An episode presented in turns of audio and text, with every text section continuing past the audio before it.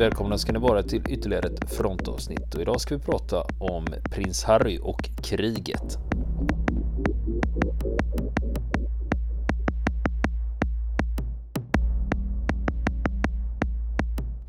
Ja du Niklas, nu har det blivit dags för fjärde och sista delen om prins Harry. Ja, har vi uttömt det då?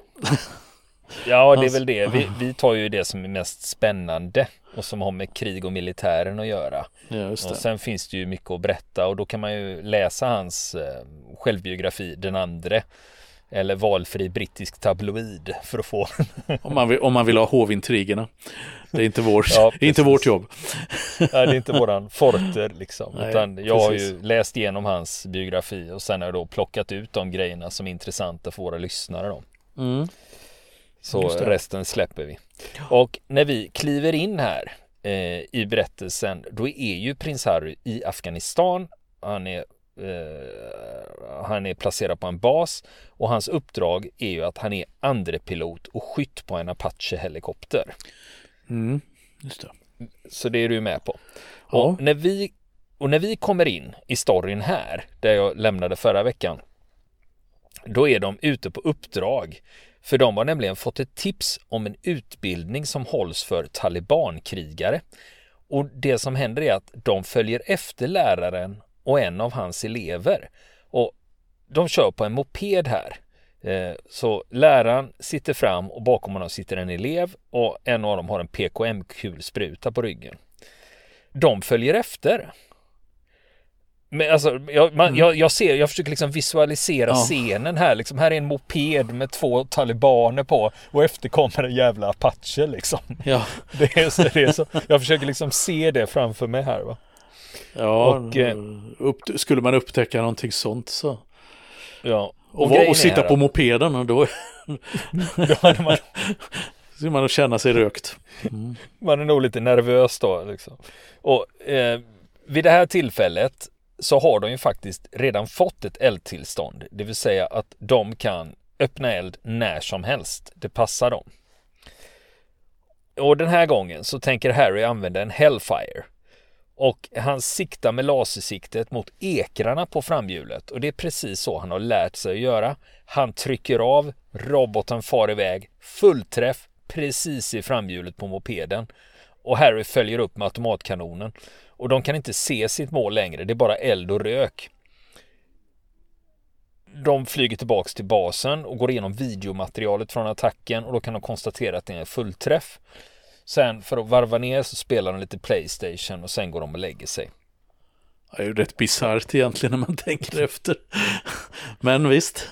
Det är ett modernt, på det viset kan man ju se det som ett modernt, det är väl så det moderna kriget kanske ser ut då.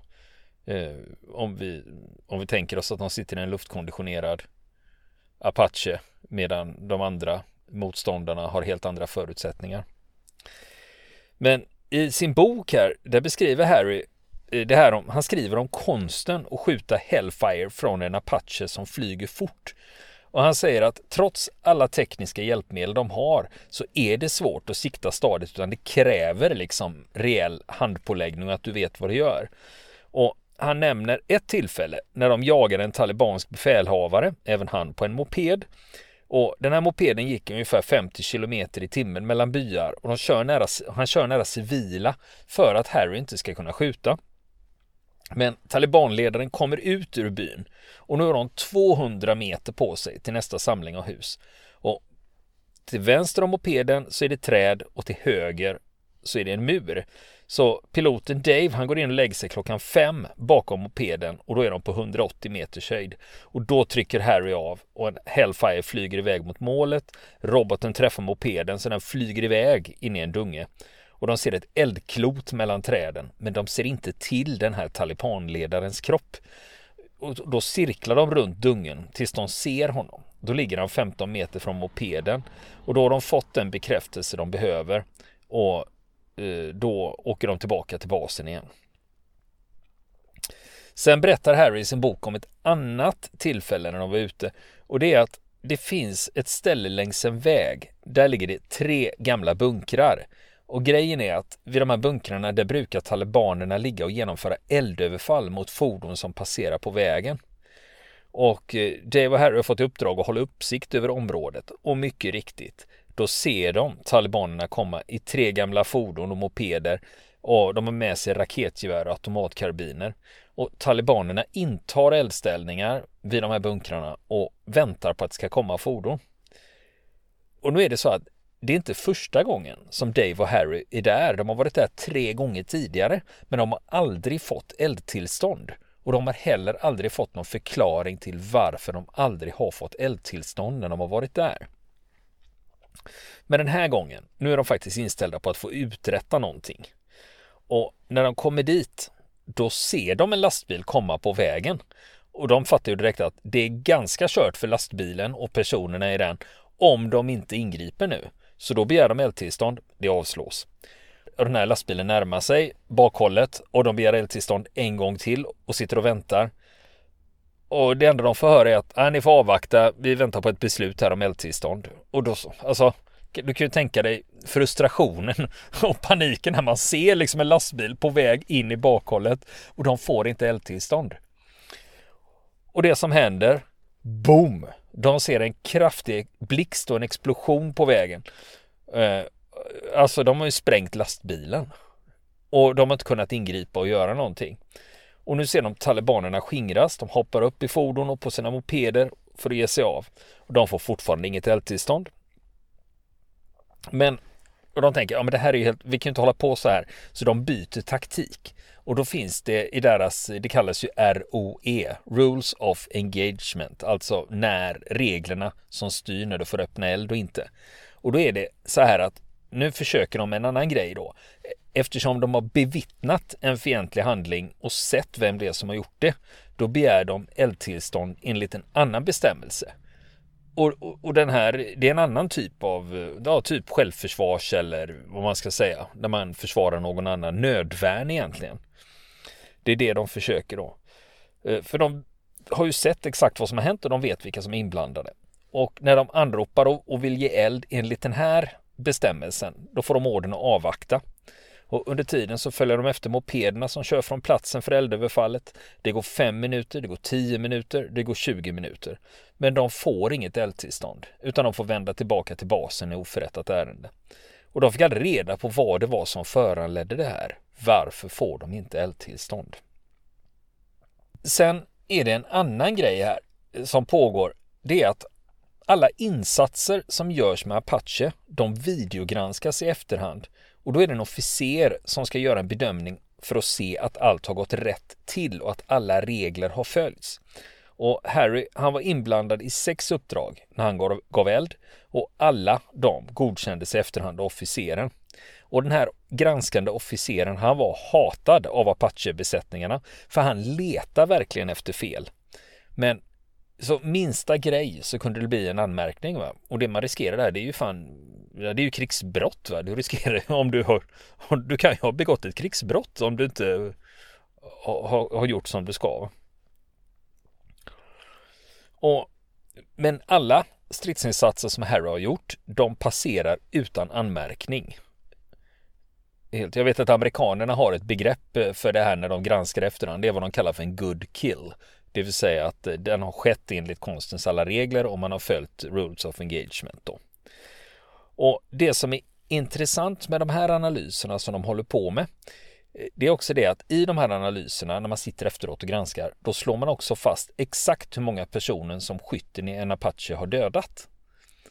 Så att det blir liksom för många infanterister kan det vara väldigt svårt om de har varit i strid att det är bara det är handgranater, det är, det är rök och det är förvirring och, och eldgivning och man vet inte liksom.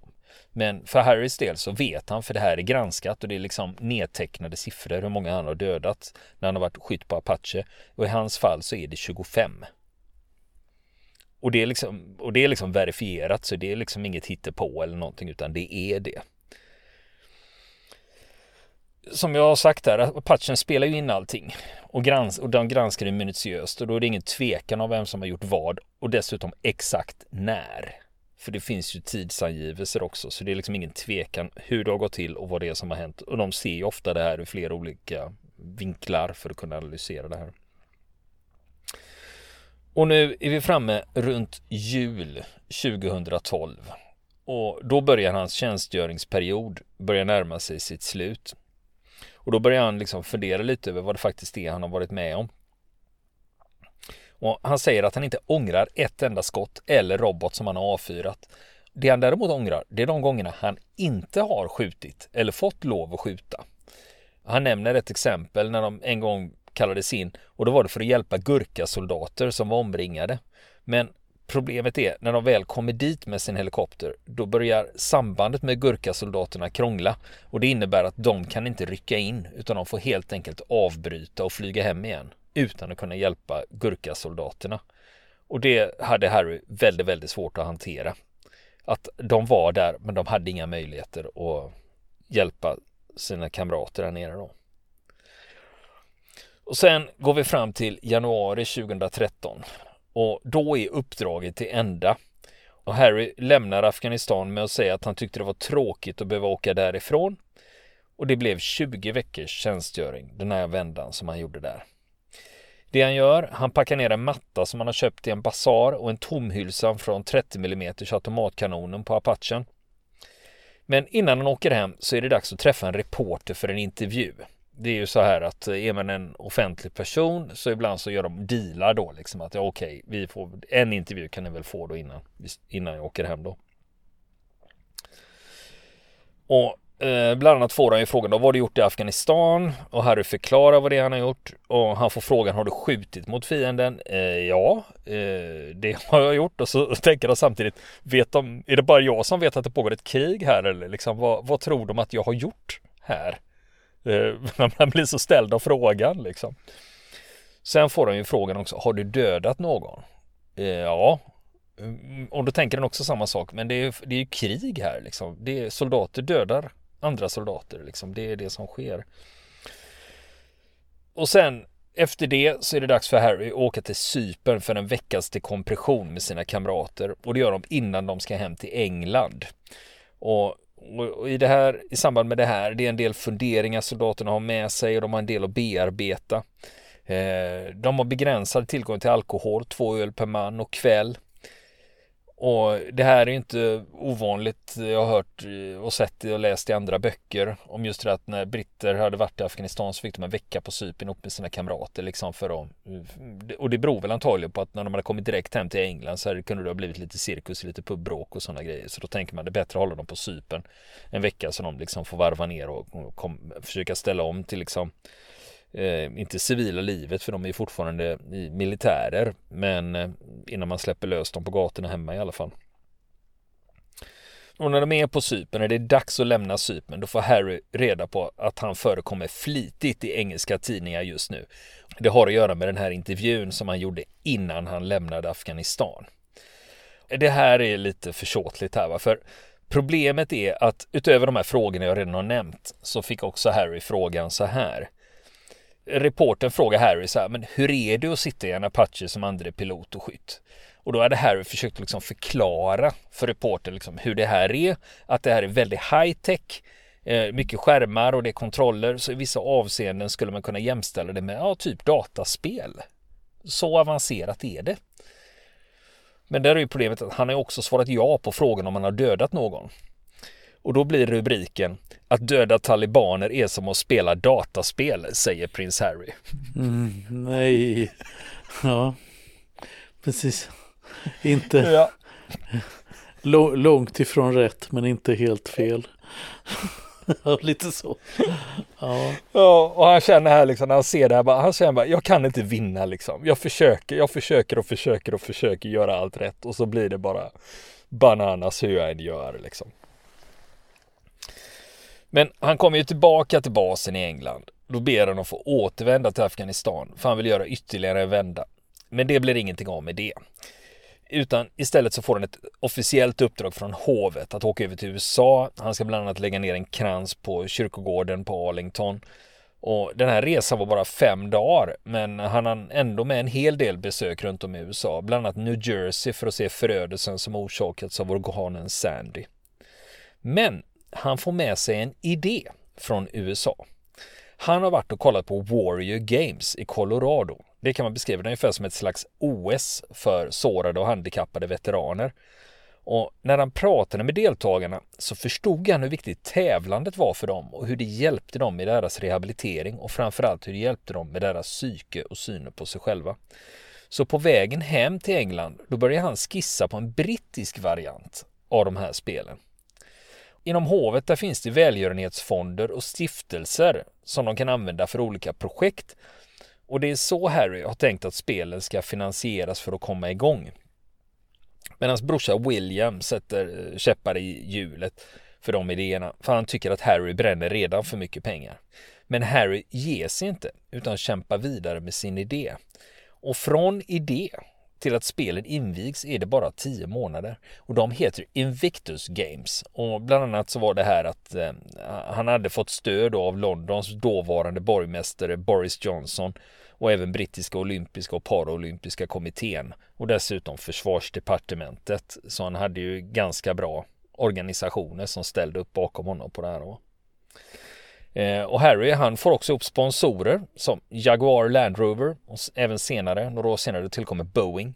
Själv kan jag tycka det är lite anmärkningsvärt att det är tillverkare av militärmateriel som står som spons sponsorer. Men ja. okej. Ja, ja. ja. Ja, ja. Det kanske inte är så långt steg ändå.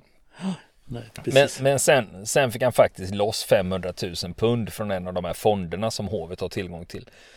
Och spelen kallas Invictus Games och de pågår faktiskt fortfarande. De första spelen det var i London 2014 och sedan dess har det flyttats runt på flera olika platser i världen och de hålls ungefär vartannat år och sen har det varit lite så här covid-pauser och sånt då. Men vi ska, nu hoppar jag fram lite här från eh, 2013 till 2014. Men eh, vi går tillbaks till 2013 här. För även om han har ett engagemang i det här och liksom brinner för det här och har något att göra så känner han att han mår inte bra. Han lider av stress och ångest och det tar ett tag innan han själv inser att det handlar om PTSD.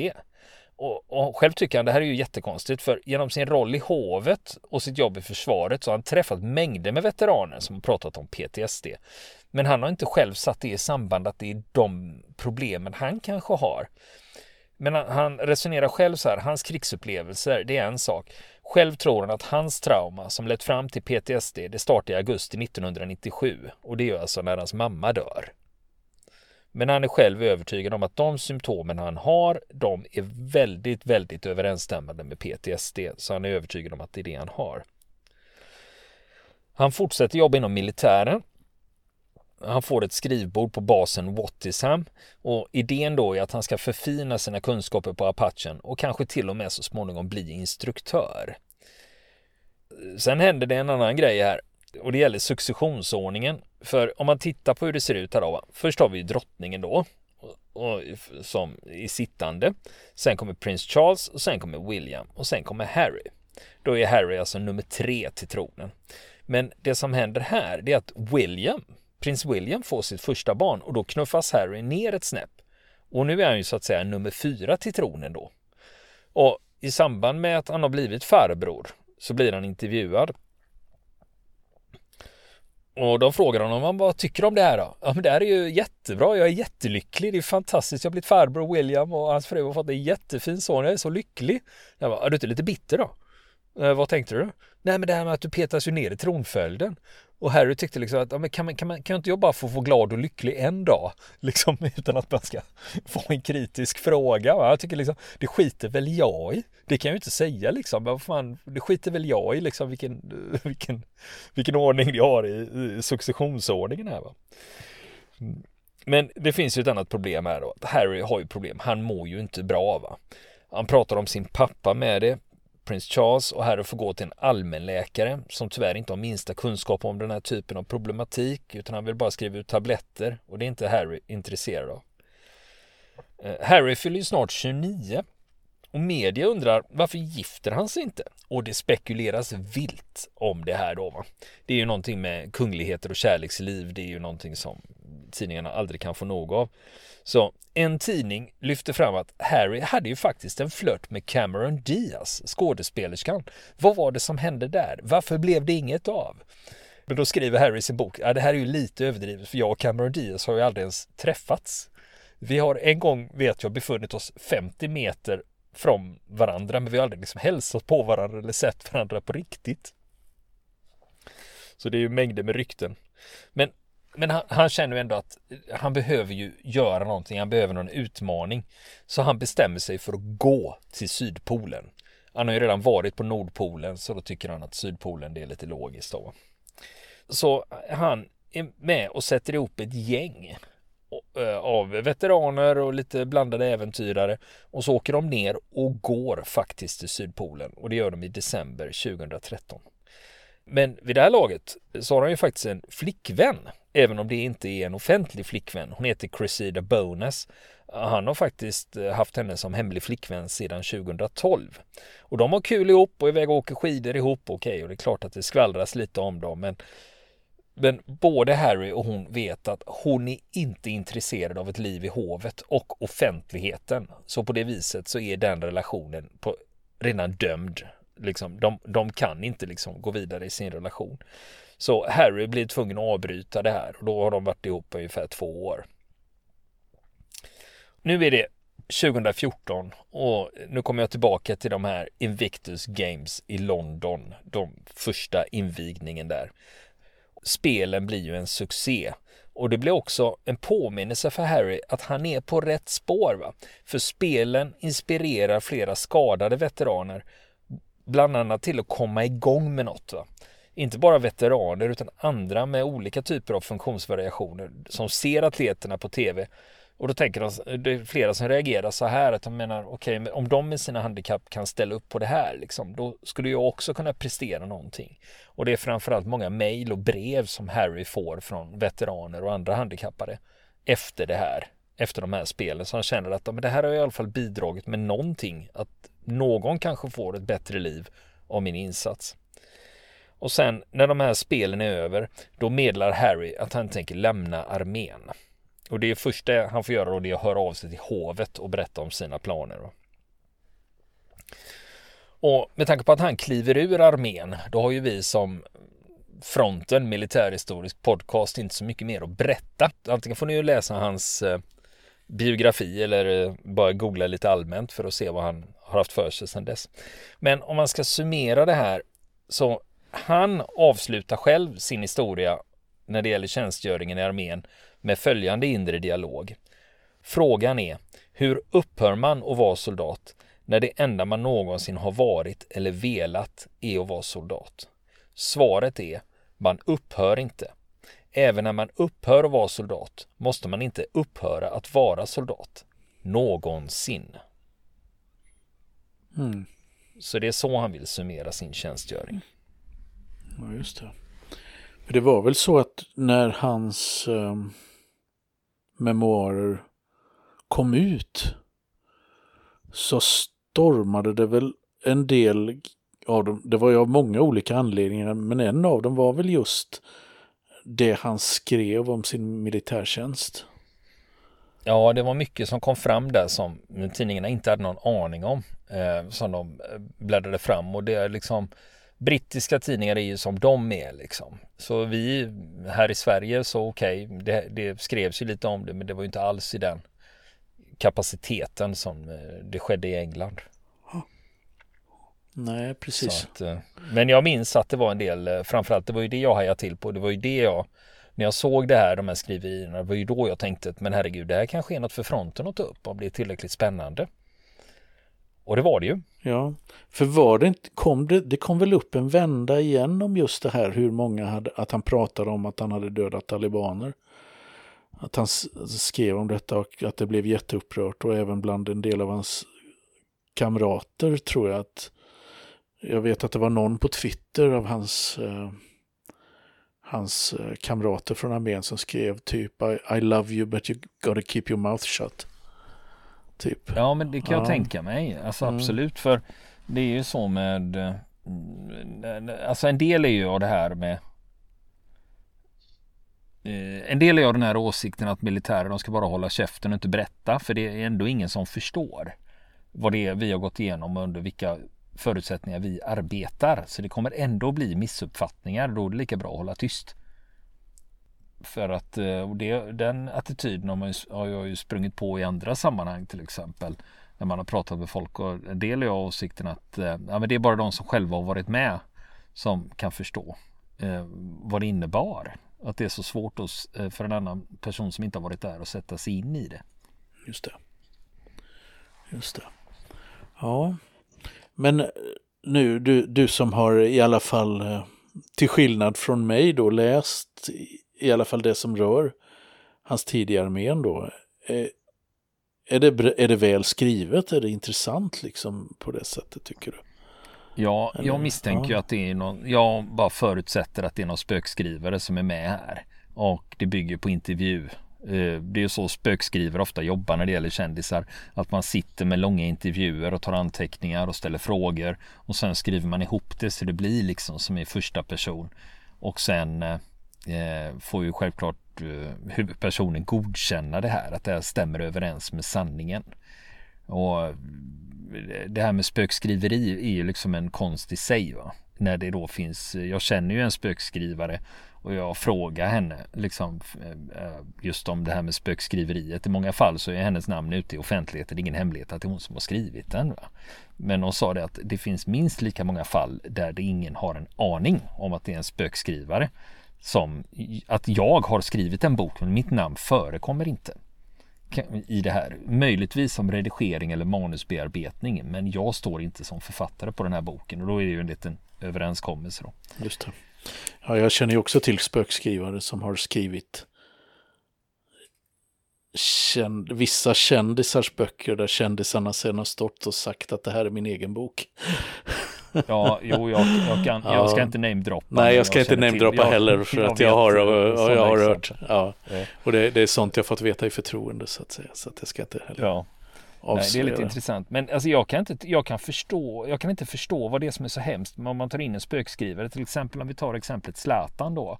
Mm. Som skrev, skrev alltså det, det är väl eh, Som av en händelse. ja, nej, men, ja, men ja. Som, är Sverige, som är den populäraste idrottsboken i Sverige genom tiderna. Va? Och, och, det, är väl ingen, eh, det är väl ingenting att hymla om att Zlatan är fotbollsspelare, en av de bästa i världen. Och att han behöver inte ha någon talang att skriva böcker folk kommer ju att läsa den ändå. Det är väl inget eh, att hymla om att det är Lagerkrans som har skrivit den. Det är liksom eh, är ju, han är ju världens bästa fotbollsspelare. Nu kommer jag få skit för det. Eh, mm. men, men räcker inte det då? Måste han kunna skriva böcker också? Liksom. Ja, jo. Det, det, är väl kanske så att det spelar en viss roll för, för en, en viss typ av läsare och Annars hade de ju inte gjort det på det viset. Men, men jag kan i och för sig förstå de kändisarna som kanske har litterära ambitioner eller framstår som kulturpersonligheter på ja. något sätt. Och sen är jävligt tycker... kassa på att skriva. Ja, ja. men så kan det ju vara. Bara för att du har hög svansföring och rör dig i kultursfären i Sverige så behöver inte det betyda att du är en litterär begåvning. Eh, men kanske gärna vill ge sken av det om inte annat. Och då är det här ett sätt att eh, mm. kunna slå sig för bröstet. Just det. Mm. Ja, nej men eh, det var intressant att höra om, om prins Harrys eh, tidigare armén. Tror du han kommer återvända till armén eller är han ute för gott? Åren går ju och du vet, för en del är det ju så att ju längre tiden går desto svårare är det att komma tillbaka ja. in. Liksom det blir familj och massa andra åtaganden och grejer som man ägnar sig åt så det känns mer och mer avlägset. Så, men annars har vi ju, har vi tittat på, vi har ju, hade ju hans eh, farbror prins Andrew som var nere och flög på i Falklandskriget. Mm. Eh, så det är ju de två brittiska medlemmarna i hovet där som har varit i stridszoner mm. och deltagit. Liksom. Sen ja. var ju faktiskt prinsessa Diana 1997 i Bosnien och visade upp sig lite där och hjälpte till med minprojekt och sådana grejer. Så att eh, det har funnits ett engagemang liksom. Men och eh, det, det var ju också, men det har ju mer med, med hovets intriger och sådana saker att göra. Att när eh, drottning Elisabeth dog, då var det den skandaliserade farbrorn Andrew som fick bära uniform, men inte Harry. Jaha, det missade jag. Vid begravningen. Jo. Fanns det någon förklaring? För att det gjordes någon, nej jag tror, jag tror aldrig att det, rätta mig om jag har fel där ute men eh, jag är inte riktigt säker på att de, hovet presenterade någon förklaring, ja, någon vettig förklaring till detta utan att det var mycket kremlologi så att säga ifrån från press och allmänhet kring detta. Men det var väl på något sätt att Harry ändå hade eh, betett, ansågs ha betett sig mer illojalt mot kungahuset än vad, än vad Andrew hade gjort som trots allt hade begått mycket värre grejer eh, än vad Harry hade gjort. Mm. Men det är mm. precis som du säger, det kan jag ha hängt mm. ihop med att, eh, att mm. Harry har valt att ta ett avstånd från ja. hovet. Ja. Att det har någonting med det att göra på något sätt. Sen kan ja. det ju vara att mm. problemet med hovet är att det omgärdas av så enormt mycket formalia och gamla mm. regler. Ja. Eh, så det kan ju säkert finnas någon bestämmelse från 1443 mm. som reglerar det här. Ja, det... precis. De är ju förtjusta i väldigt, väldigt gamla bestämmelser i England. Så, att, så det kan ju vara så. Mm. Och det, det, är också något som förekommer i den tv-serien jag har nämnt, The Crown, som handlar om brittiska kungahuset eh, som går på någon av playtjänsterna. Där kan man ju också se, eh, där diskuterar de ju också den, den här typen av förlegade regler som, som förknippas med det brittiska hovet. Och ibland kan det vara dags för reformer och ibland inte liksom. Och när ska man kliva ur de här gamla reglerna och bli moderna? Om, framförallt om vanliga britter tycker att de är att, de, att kungahuset har ett alldeles för stort avstånd till den brittiska allmänheten, att det kanske är dags att modernisera sig. Och i en del fall som är också eh, har det framförts kritik mot brittiska kungahuset för att de är alltför rigida, utan man har sagt så här, men titta på de skandinaviska kungahusen, titta hur de har det liksom. Som ett gott exempel då liksom på hur en monarki kan fungera. Vill ni komma i kontakt med oss så kan ni göra det via vår Facebook-sida som heter Fronten. Det är inga problem för er att leta er fram där. Eller också så mejlar ni på vår mejladress och det är frontenpodcastgmail.com.